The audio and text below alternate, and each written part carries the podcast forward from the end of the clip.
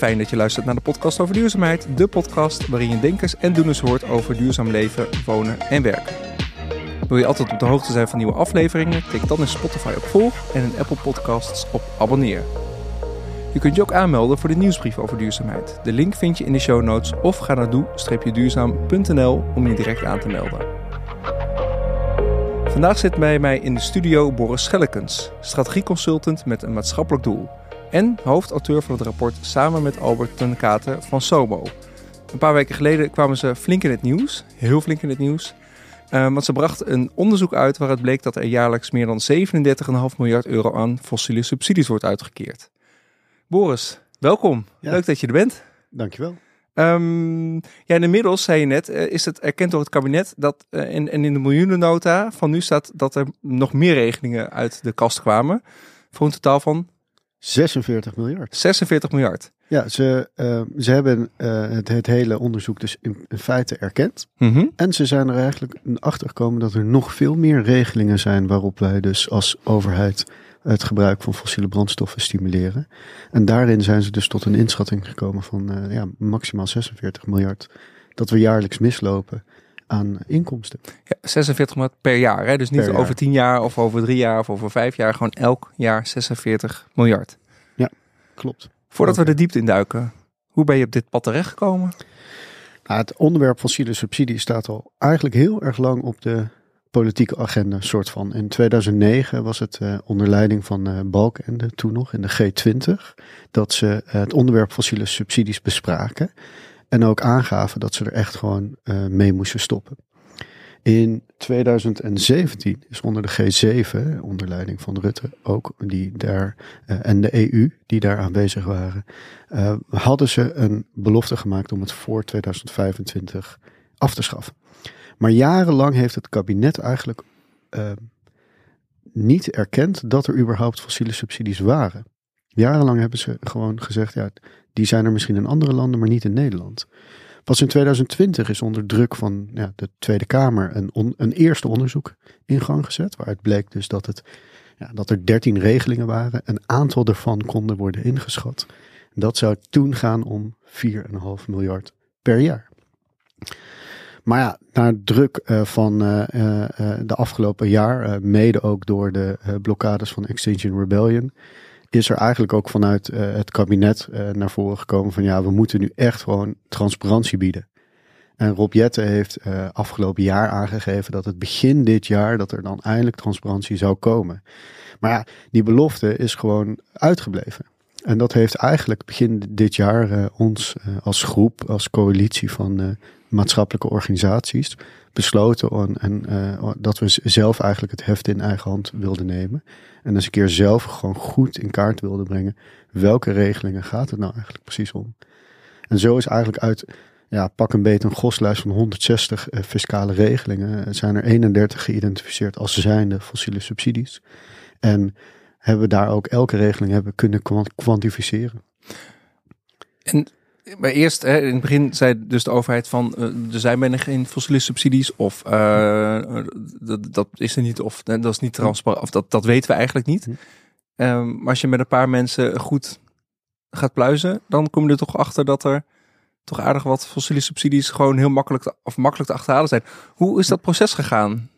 Nou ja, ten eerste, je moet uh, een, een, soort van definitie maken van wat is nou eigenlijk een fossiele subsidie. En eigenlijk is dat is goed om te weten. Er zijn drie typen fossiele subsidies die er zijn. Uh, het gaat allemaal om het bevorderen en het goedkoper maken van fossiele brandstoffen. Dus uh, in die drie types heb je directe subsidies. En dat is eigenlijk hetgeen waar de meeste mensen aan denken als ze aan het woordje subsidie denken.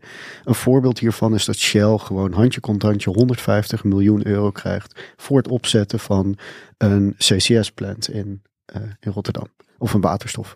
En CCS is het opvangen van carbon capture storage. Ja. En uh, uh, daar krijgen ze gewoon geld, voor om die faciliteit ja. neer te zetten. Ja. Uh, dat is ook een subsidie waar ja, de meesten denken ook aan een subsidie als zijnde van nou, je krijgt, er wordt gewoon geld overgemaakt. En dit is ook gewoon heel makkelijk in de rijksbegroting terug te vinden, want je ziet gewoon potje uitgavens dat. Maar er zijn twee andere typen subsidies die wat meer, eh, die wat, die wat, wat lastiger zijn om te achterhalen. De indirecte subsidie is gewoon eh, een korting. Want in principe, economisch gezien, is het eh, dat exact hetzelfde. Als je direct geld overmaakt aan een, aan een bedrijf of ehm, je geeft een bedrijf een korting. Dat is hetzelfde als eh, het volledige tarief ontvangen en dan eh, geld terug, terugstorten. Onder water is dat gewoon hetzelfde economisch gezien.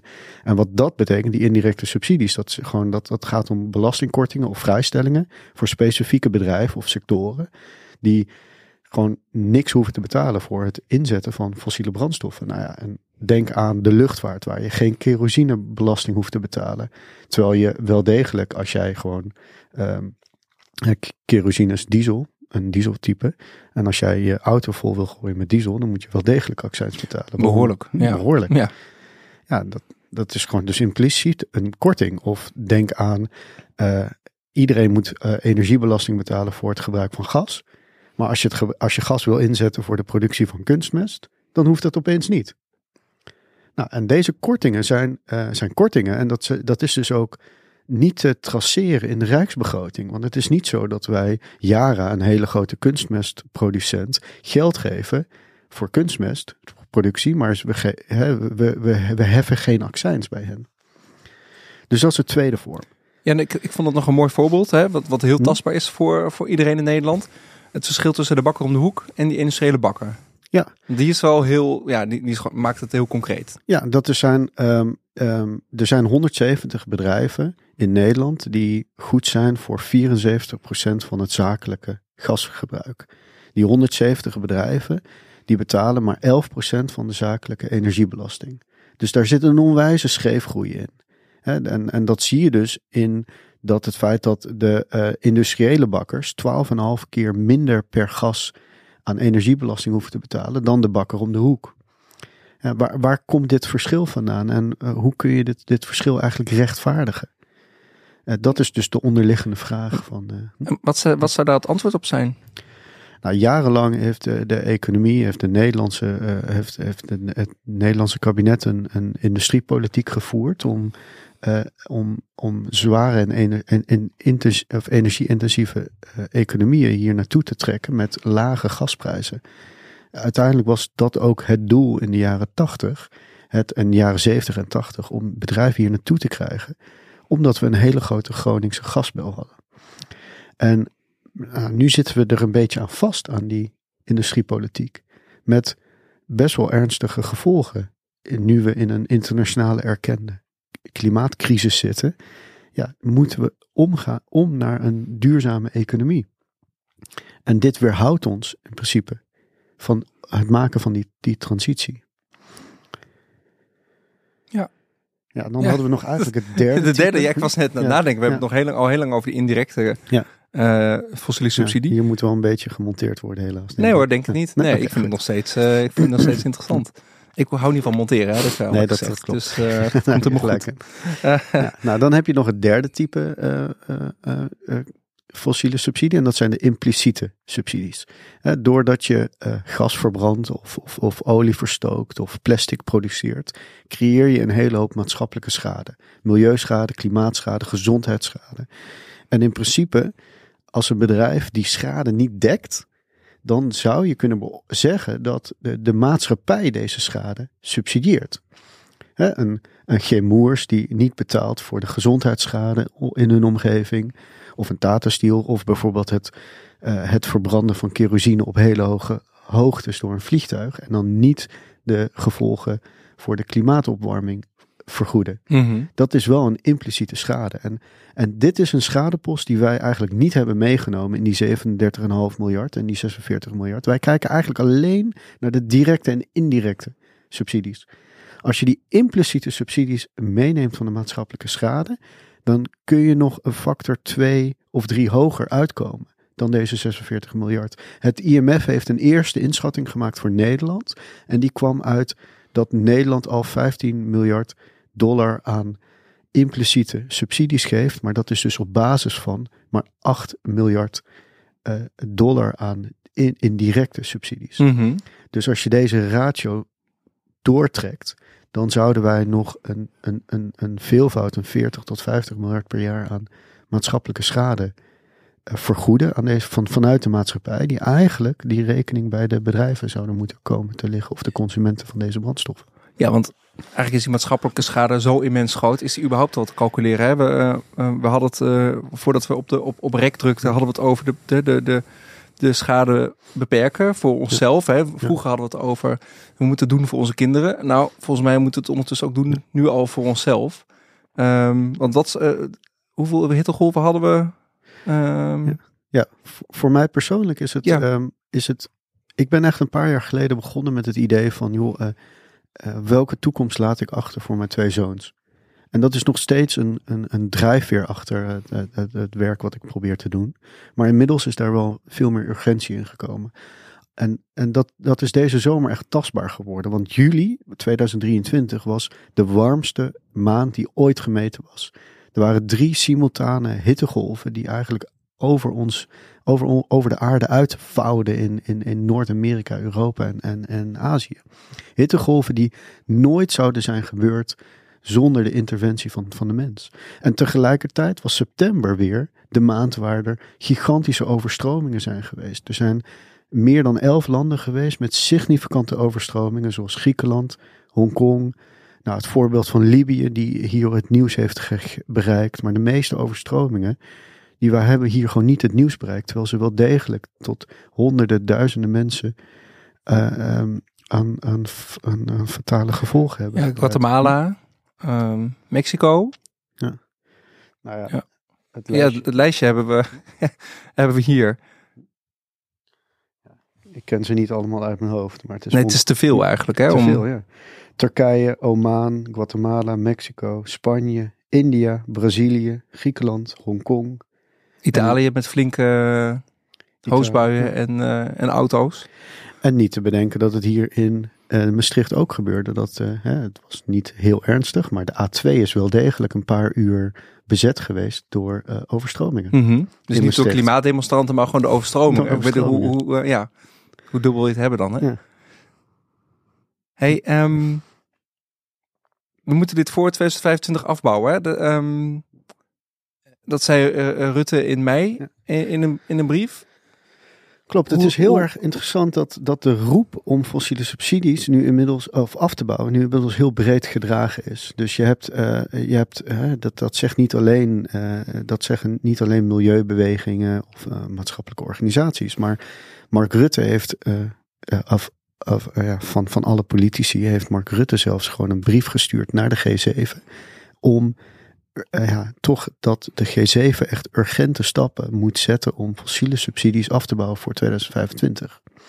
En je hebt ook bedrijven zoals Unilever, en niet bepaald de, uh, het, het, het, het braafste jongetje van de klas, maar zelfs een bedrijf als Unilever die in feedback naar de Europese Unie aangeeft van jongens, bouw nou die fossiele subsidies af voor 2025. Het is gewoon niet consistent met het klimaatbeleid dat je voert. Het is niet consistent dat je nog steeds de oude economie belastingvoordelen geeft, de oude economie in stand houdt. Terwijl we weten dat we naar een nieuwe economie moeten gaan. Hoe ziet die nieuwe economie volgens jou eruit? Nou, uh, wij, moeten, uh, wij moeten in Nederland een transitie maken van een gasgedreven economie naar een nieuwe economie. En er zijn verschillende visies die zijn neergezet. C. Delft heeft een heel erg mooi rapport gemaakt over welke energie-intensieve sectoren er kansrijk zijn in Nederland.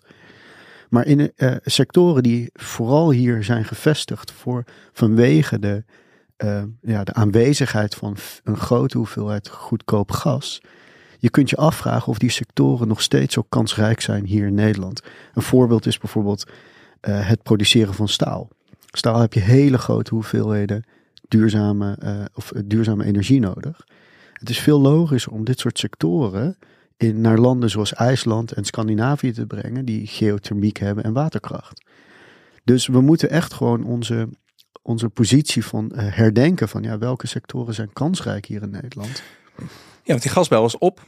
Uh, zondag gaat uh, Groningen dicht. Ja. En, en maar we hebben nog steeds gas nodig. Nou ja, dat is op dit moment de visie van, van het kabinet. We zijn een gasland. En als we geen eigen gas kunnen produceren, dan, import, dan importeren we het gas. Dat is in 2015 al begonnen. Toen is er 8 miljard geïnvesteerd, samen met Gazprom, om hier een ro- gasrotonde te maken, Mhm. zodat we de leverancier als Rusland kunnen gaan gebruiken. Om te blijven doen wat we altijd hebben gedaan, namelijk die intensieve, energie-intensieve sectoren. Nou, Rusland is nu out of the picture, dus in plaats daarvan proberen we nu gas te importeren uit Qatar, uit Louisiana. Maar we blijven in, eh, het kabinet blijft denken dat we gewoon op oude voet verder kunnen. En daar moet structureel iets aan veranderen.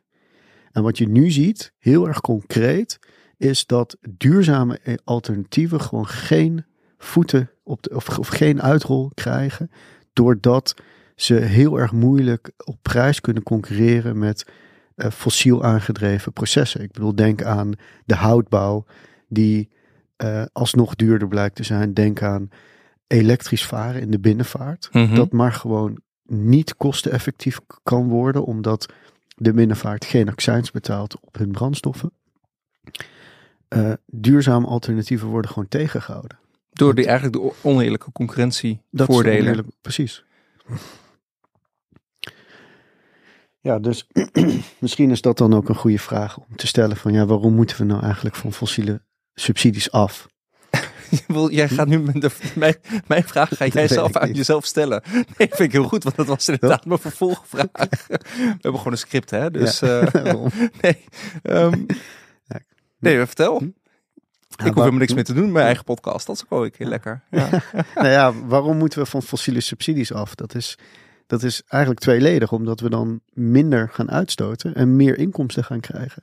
Minder uitstoten is gewoon de puur de praktische invulling dat we zeggen van joh, eh, we hebben nu geen enkel prikkel die ervoor zorgt dat de, dat de zware in, in- industrie gaat besparen op energie of eh, omgaat naar duurzame alternatieven. Nou, laten we gewoon die prikkel gaan introduceren, zodat we gewoon min, onze klimaatdoelen gaan halen. ja, maar dan gaat Tata Steel weg en hebben we geen werkgelegenheid meer. En hoe, hoe ga je dat oplossen? Nou ja, dan kom ik toch terug naar eh, eh, de eerste vraag. Is van, eh, je, je moet goed na gaan denken over welke, hoe onze fossielvrije industrie eruit ziet. En daarin hè, we hebben een industrie opgebouwd die hier is gekomen vanwege de overvloed aan goed, goedkoop gas. Maar we moeten naar een industrie toe gaan waar we, uh, uh, waar we zoveel mogelijk duurzame energie inzetten voor de, deze sectoren. En dan moet je gewoon gaan nadenken, waar kan dat op een kosteneffectieve manier? En Tata Steel kan gewoon hier niet in Nederland op een kosteneffectieve manier concurreren met groenstaal uit Zweden. En dat komt omdat de staalproducenten in Zweden, die nu al veel, heel erg vooruitlopen op Tata uh, daar uh, gewoon veel meer waterkracht aanwezig hebben. En dus veel kostenefficiënter hun staal kunnen produceren als Tata in Nederland hun waterstof zou moeten importeren uit, uit andere landen. Er is gewoon simpelweg hier te weinig waterstof voor. En hoe eerder we dat inzien, hoe eerder we, we, we, we Tata Steel kunnen omvormen naar een grote recyclingplant. Want daar is wel degelijk behoefte aan. Het aandeel staal dat in Europa gerecycled wordt, loopt uh, ver achter uh, ten opzichte van Amerika. En hoe gaaf zou het niet, niet, niet, niet zijn als Tata Steel gewoon een van de meest moderne recycling uh, plants wordt op het gebied van staal. Visie eigenlijk. Dat is de visie. Ja. En, en dat moet een pan-Europese visie zijn. We zitten hier niet in Nederland. Uh, ja, we, we hebben nu hier eenmaal een staalproducent die heel erg veel gezondheidsschade levert. Ja, je kunt dan wel die staalproducent omvormen naar een waterstofproducent, maar dat zal nooit kunnen concurreren met Zweden. Dus waarom maken we dan niet een staaldeal met Zweden, net zoals we rondom de Tweede Wereldoorlog hebben gedaan? Ja, waarom niet? Ja, ja. ja. Dat is gewoon de, de gewoon... vraag aan, aan, aan, aan het kabinet. Ja, hey, en dan, dan zit je nog steeds met, met vaak het sentiment, maar dan gaat onze industrie weg en dan hebben mensen geen, geen werk meer. Of, um, er zijn nu we, meer dan 200 vacatures die openstaan in, uh, voor deze transitie. Dus er is meer dan werkgelegenheid genoeg in, in de transitie en na de transitie. De keuze is gewoon, ja, ga je, ga je werken aan, uh, ga, ga, ga je uh, zorgen voor groene banen en ga je de mensen die nu bij Tata Steel werken op een goede manier die transitie in naar een groene job? Of, of niet? En een mooi, een, een mooi voorbeeld vind ik toch wel een, uh, uh, ja, de ex-schoonbroer van mij, die, uh, die eerste koffers gooide op Schiphol. Mhm. Door corona is ontslagen en nu treinmachinist is geworden. Ja, want de NS heeft gewoon te weinig personeel. Ja. Nou, laten we dan kijken welke sectoren we op een slimme manier kunnen reduceren. En de mensen in die sectoren gewoon op een goede manier kunnen omscholen. En als jij de fossiele subsidies afschaft, dan krijg je dus ook meer inkomsten die je kan in, inzetten in, als investering. Ja. Om de, de verduurzaming te versnellen, maar ook te zorgen dat er een rechtvaardige transitie komt. Dus echt te zorgen dat er, dat er meer geïnvesteerd kan worden in scholing en omscholing.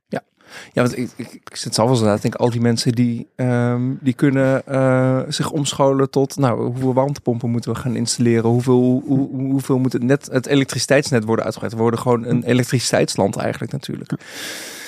Er is genoeg Ja. uitdagingen, eh, genoeg, genoeg nieuwe dingen te vinden om lekker aan de bak te blijven. Ja, en de, en de concrete uitdagingen voor, voor bedrijven zoals Steden en Tenet is, is, eh, eh, is beleid. Hè. We zitten soms, eh, ja, de, de regels maakt het soms moeilijk om ons net uit te breiden. Nou, dat, dat, dat kan echt de overheid gewoon aan werken. Ja. En het tweede is, er zijn gewoon te weinig handjes. Nou, laten we dan daarvoor pleiten dat sommige sectoren gewoon kunnen halveren. Dan, hè, dat maakt gewoon veel meer arbeidskracht beschikbaar. En het derde is gewoon simpelweg geld. Nou, laten we dan dat geld investeren niet vanuit de gezamenlijke pot, maar laten we dan het principe de vervuiler betaalt eh, volgen. En zeggen, nou, hè, de, de, op dit moment hè, de grootverbruikers van gas, die 170 bedrijven, die 74% van het zakelijke gas gebruiken. Waarom gaan zij dan niet eh, investeren in het elektriciteitsnet? En dat is gewoon een rechtvaardigheidsprincipe die we kunnen volgen. Die gewoon best wel alom eh, geaccepteerd is. Eigenlijk heel logisch, hè? Een hele Ja. logische stap. Ja, want wat, eh, wat gaan we concreet doen?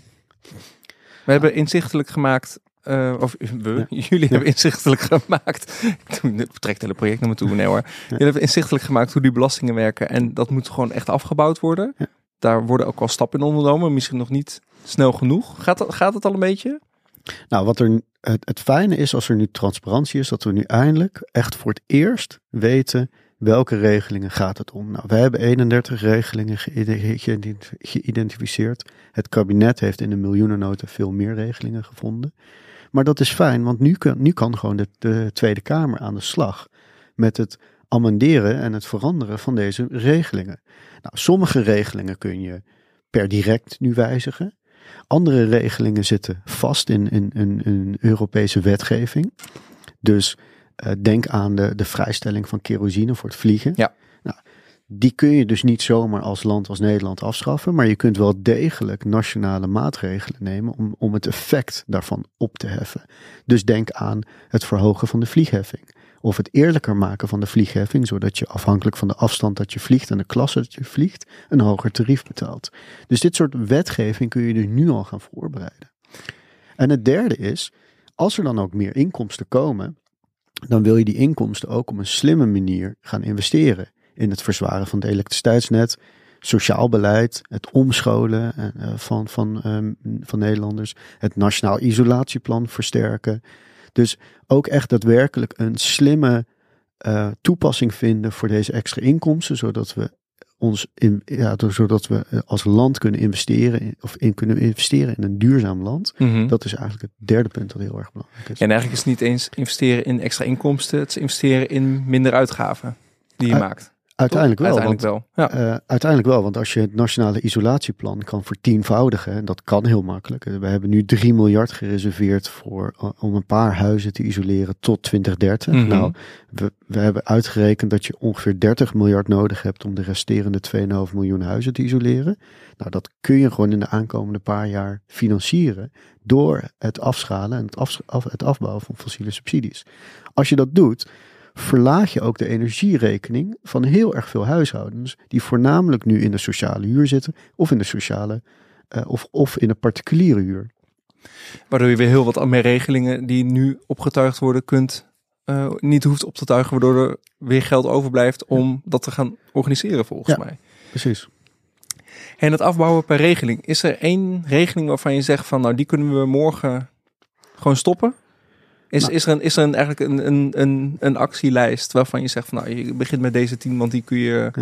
Ja, die, dit soort lijsten zijn er. Eh, hè, die 31 regelingen die hebben we nu eh, opgetuigd in een soort van drie clusters. Hè, de dingen die we nu echt gewoon per 2024 kunnen aanpassen in het aankomend belastingplan. Regelingen die je gewoon in de aankomende twee jaar kan, kan, kan aanpassen. En regelingen die echt gewoon flink nieuwe wetgeving nodig heeft, die dan misschien nog wel twee jaar nodig hebben voordat ze een effect kunnen. Maar het betekent dus in principe dat als je nu aan de slag gaat, je ruim de meerderheid van de regelingen hebt, kan afbouwen voor of, of in 2025, precies zoals de belofte die eigenlijk zeven jaar geleden is gemaakt. Dat kan nu toch nog ingelost worden.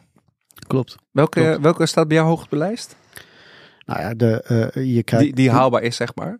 Nou, degene die echt absoluut haalbaar is, is na te gaan denken over de vliegheffing. En hoe je de vliegheffing op een eerlijke manier kan inzetten. De andere die, die, die, die ook nu al kan doen, want dat is echt gewoon een parameter die je, die je wijzigt, is gewoon hoeveel, eh, wat is het tarief dat grootverbruikers betalen voor het gas. Ja. Dus dat zijn twee voorbeelden waarvan je, ja, die kun je gewoon volgend jaar gaan, eh, gaan, gaan doorvoeren. Ja, want die tarieven die heb ik toevallig afgelopen week met Danny Oosterveer. Daar maak ik een podcast eh, De Groene Nerds mee. En we hebben de regelingen even doorgenomen. Dat is wel echt bizar hoe snel ehm, het tarief naar beneden gaat als je echt heel veel gas verbruikt. Dat is echt... Ik heb ze niet, niet nu 1, 2, 3 paraat, maar eh, Ja, een, een, een groot verbruiker betaalt 12,5 keer minder per kuub gas Ja. dan een MKB'er. Voor elektriciteit is dat verschil nog erger. Het is een, een Tata Steel gebruikt ook heel veel elektriciteit naast, naast gas en kolen. Nou, die- die betalen voor boven de 10 miljoen kilowattuur een factor 100 minder dan een MKB'er. Ja. Of een kapper om de hoek factor 100 minder. per kilowattuur. Ja. Ongelooflijk. Ja. Tot slot, de vraag die ik aan iedereen stel. Wat betekent duurzaamheid voor jou? Ja, dat, eh, ja, dat is wel een goede vraag. En ik denk, eh, ja, het, het, het, omvat eigenlijk best wel wat, wat duurzaamheid voor mij persoonlijk betekent. Ehm, wat duurzaamheid eigenlijk, ja, je, je kunt dit op twee, op, op twee verschillende manieren eh, bevatten. Althans, vind ik. En dat is gewoon toch wel, de, ja, als je gewoon kijkt naar wat, wat betekent het nou dat we de aankomende paar jaar moeten doen. Ja, dat is toch echt gewoon het eh, eh, zoveel mogelijk verminderen van de, de opwarming van onze aarde en, en, de, en, en, en, en, en de uitholling van onze biodiversiteit. Ik bedoel, dat, dat zijn twee soort van tastbare dingen. Maar ja, dat is waar we, het soort van onze doelen waar we voor moeten streven. Maar wat, het, wat dat, hè, mijn, mijn, mijn persoonlijke interpretatie hiervan, is dan eigenlijk, ja, hoe bereiken we dat? En ik denk een groot, ja, we moeten grote stappen zetten in toch wel meer verbinding vinden met, met onszelf, eh, met de mensen om ons heen, de mensen in het, eh, eh, aan de andere kant van de aarde, de ecosystemen, de natuur. Als we wat, wat meer verbinding vinden met, met elkaar, dan, dan denk ik dat we naar een duurzamere omgeving kunnen gaan. Dus dat, wat dat betekent concreet duurzaamheid voor mij. Wauw. Wat een mooi antwoord. Ga ik, ik ga hem een paar keer terugluisteren. Dan ga ik daar eens even goed over nadenken. Dankjewel Ja. voor het gesprek, eh, Boris. Bedankt voor het luisteren naar de podcast over duurzaamheid. Vergeet je dus niet te abonneren op de podcast. En als je me echt wil helpen, schrijf een recensie eh, in Apple Podcasts. Of tik op vijf sterretjes in Spotify, et cetera. En abonneer je op de nieuwsbrief op doe-duurzaam.nl slash nieuwsbrief. Want dan krijg je ook gewoon een mailtje als er een nieuwe podcast online staat. Maar we schrijven nog veel meer artikelen over duurzaamheid. Dus... eh, dat, eh, doe dat zeker. En ik ga allemaal linkjes in de show notes zetten naar de rapporten en de Excel sheets en, en dat soort dingen over hoe deze subsidie, eh, fossiele subsidies eh, tot stand zijn gekomen.